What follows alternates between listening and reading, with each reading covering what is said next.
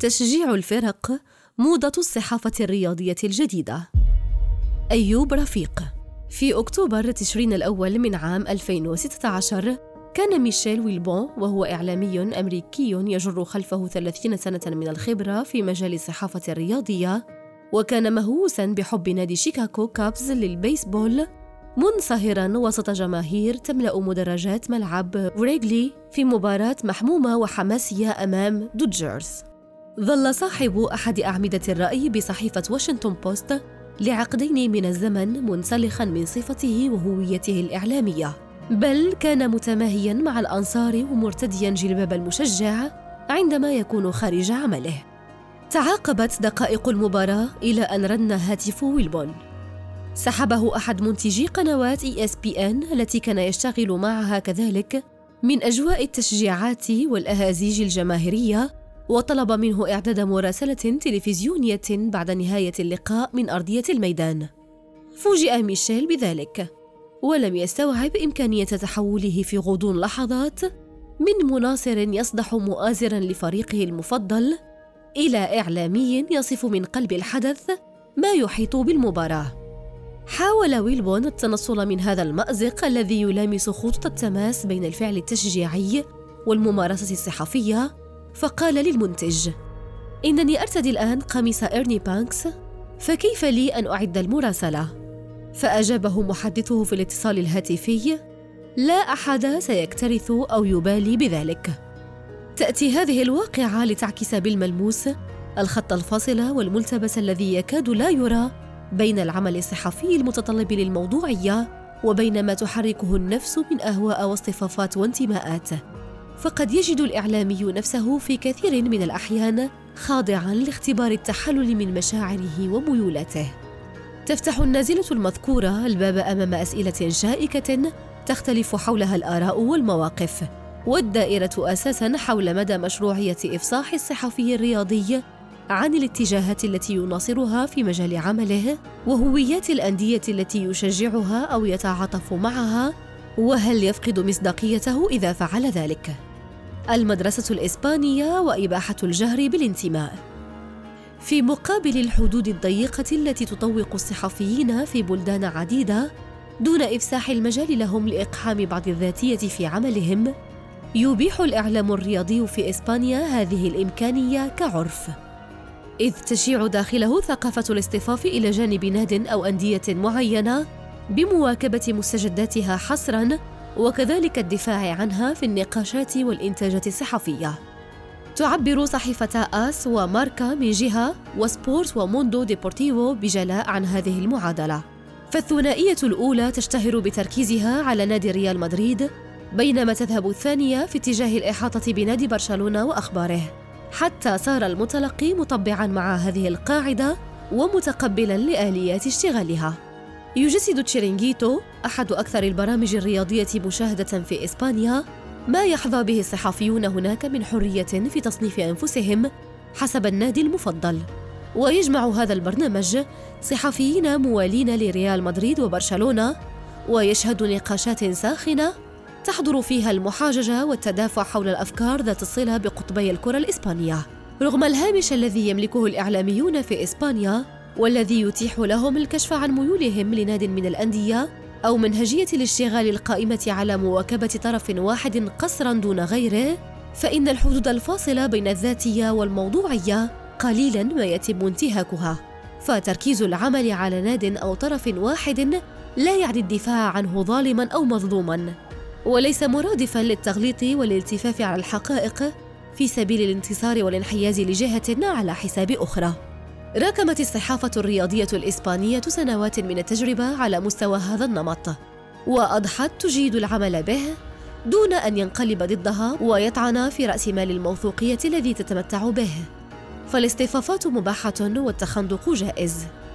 لكن بعيدا عن القفز على الموضوعية اللازمة والمتعارضة قطعا مع ترويج المغالطات والانحياز الأعمى رغم الحرية المتاحة على مستوى الدفاع المشروع عما يتم الاقتناع به بكل نزاهة وصدق. إشهار الانتماء في المغرب صيحة شائعة. في العقود السابقة ساد الإعلام الرياضي المغربي تحفظ من طرف الصحفيين على إبداع تشجيعهم لناد معين أو مؤازرتهم لهذا الفريق على حساب ذاك من نفس البلد. وإنما كان المنتخب الوطني المغربي هو الذي يوحد كافة الأطياف الإعلامية ويلتف حوله الجميع. كان رجال الإعلام حينها يحرصون على اتخاذ مسافة واحدة من جميع الأندية الوطنية دون أن يخرقوا مبدأ الحياد الذي ظل مقدسا ورافدا أساسيا من روافد الممارسة الصحفية. يقول الصحفي الرياضي المغربي أمين العمري تاريخيا كان الصحفي الرياضي المغربي يلتزم بالموضوعية والحيادية التامة. فهناك من امتهن وتقاعد دون أن يعرف الجمهور العريض ولو فكرة عن فريقه المفضل ويضيف العمري في تصريح لمجلة الصحافة أظن أن الولاء الوحيد الذي كان سائدا هو الدعم الذي كان يقدم للمنتخب الوطني المغربي أو الأندية المغربية في مشاركاتها القارية والدولية. أما في زمن وسائل التواصل الاجتماعي، فيصعب على الصحفي الالتزام بالحيادية المطلقة والمحمودة في الممارسة. أفضى انتشار منصات التواصل الاجتماعي التي أضحت تحتضن جزءًا مهمًا من الممارسة الإعلامية إلى إحداث تحولات على مستوى النمط والمبادئ التي تؤدى بها المهمة الصحفية. لقد صار منطق الاصطفافات بين الصحفيين هو الغالب في المشهد العام. يشهر الإعلامي علناً هوية النادي الذي يحتل جانبه العاطفي، ويشرع في الانتصار له في كل القضايا بعيداً عن النقد المطلوب وتسليط الضوء على مكامن الخلل. مقارنة بالمثال الإسباني الذي سبق ذكره، يتخطى الكثير من الإعلاميين في المغرب حدود الإعلان عن الانتماء لناد معين أو تركيز التغطية الصحفية على فريق دون آخر إلى الانحياز وتغليب كفة طرف على آخر.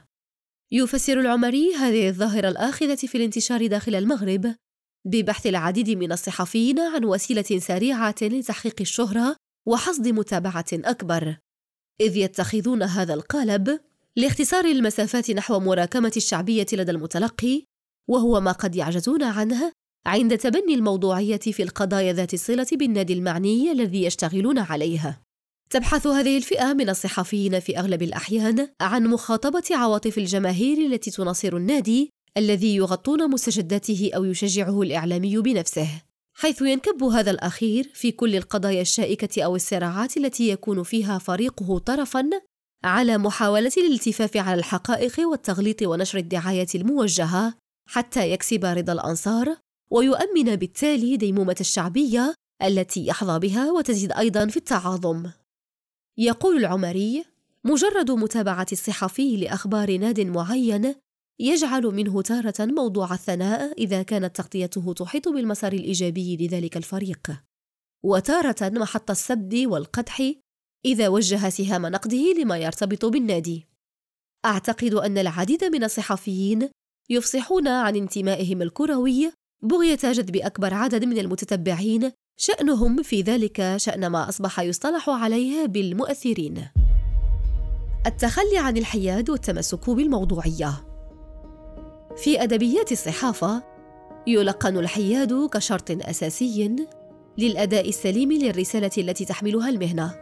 فكل الطلبة ومن يسيرون في طريق التحصيل الدراسي للإعلام يراكمون المعارف وهم متشبعون بضرورة التقيد بالحياد عند الممارسة لكن الميدان يحيل على واقع آخر يخرق فيه هذا المبدأ ولا يعني ذلك أن الصحفي قد تجاوز ما هو مباح على مستوى العرف على الأقل.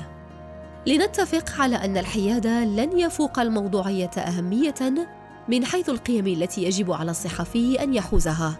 فالتخلي عن الحياد والميل إلى جانب واحد لا ينبغي أن يكون مرادفا للانحياز الأعمى كما ذكرنا سلفا. وإنما الثبات على إبراز الوقائع كما هي دون بهارات أو تدخل كي تتطابق مع ما يخدم أهواءنا ومصالحنا. نقول هذا لأن الحياد في الممارسة الإعلامية يكاد يكون عسيرا على أن يتحقق حسب كثيرين. فالانفصال عن الذات بصورة كلية وقطعية يبقى خارج المألوف. إذ إن البنية النفسية للإنسان بشكل عام يحضر فيها الذاتي إلى حد اعتباره غريزة أو فطرة. تتبنى الإعلامية الفرنسية ماريون فان غينترغرهام هذا الطرح. وتعتبر أن الحياد غائب في الصحافة كما في غيرها من الميادين. وتقول يجب أن نفهم أن الحياد غير موجود ليس بوسع أي إنسان أن يكون محايدا.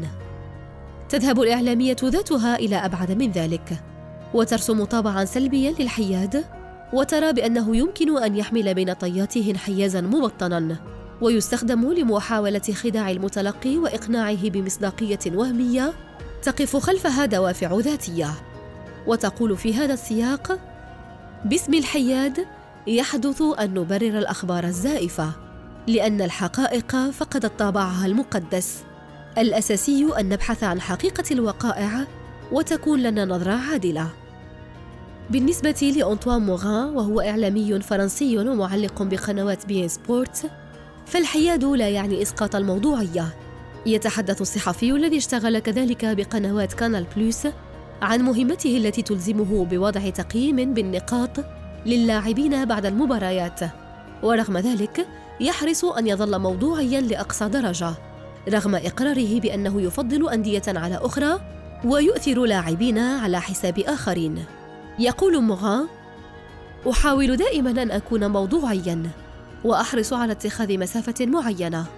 هناك بالفعل أندية أفضلها على أخرى ولاعبين أحبهم أكثر من آخرين لكنني أظل منفتحا على الدوام. ليس ثمة شخص يملك العلم اليقيني في كرة القدم. ثمة شبه إجماع إذن على أن اختلاف المسافات التي تفصل الإعلامي عن أطراف مختلفة أمر يمكن التطبيع معه كما أنه جائز في مجموعة من المدارس الصحفية في بلدان عديدة. لكن شريطة الا يوقع صاحبه في فخ انتهاك الموضوعيه مثل ما يحدث كثيرا في الحقل الإعلامي المغربي. يغيب الحياد حينما يختار الصحفي أن يفرد تغطية ومواكبة أكبر من حيث الكم لصالح هذه الجهة مقارنة بأخرى. بيد أن ما يكتسي خطوة أكبر هو أن يعمل الإعلامي عن إعمال الموضوعية في معالجته للقضايا المتعلقة بالطرف الذي يشتغل عليه. وعندها تنتفي كافة القيم التي توصي بها أخلاقيات المهنة وتصير الممارسة الإعلامية عنوانا للعشوائية والذاتية وخدمة المصالح الشخصية.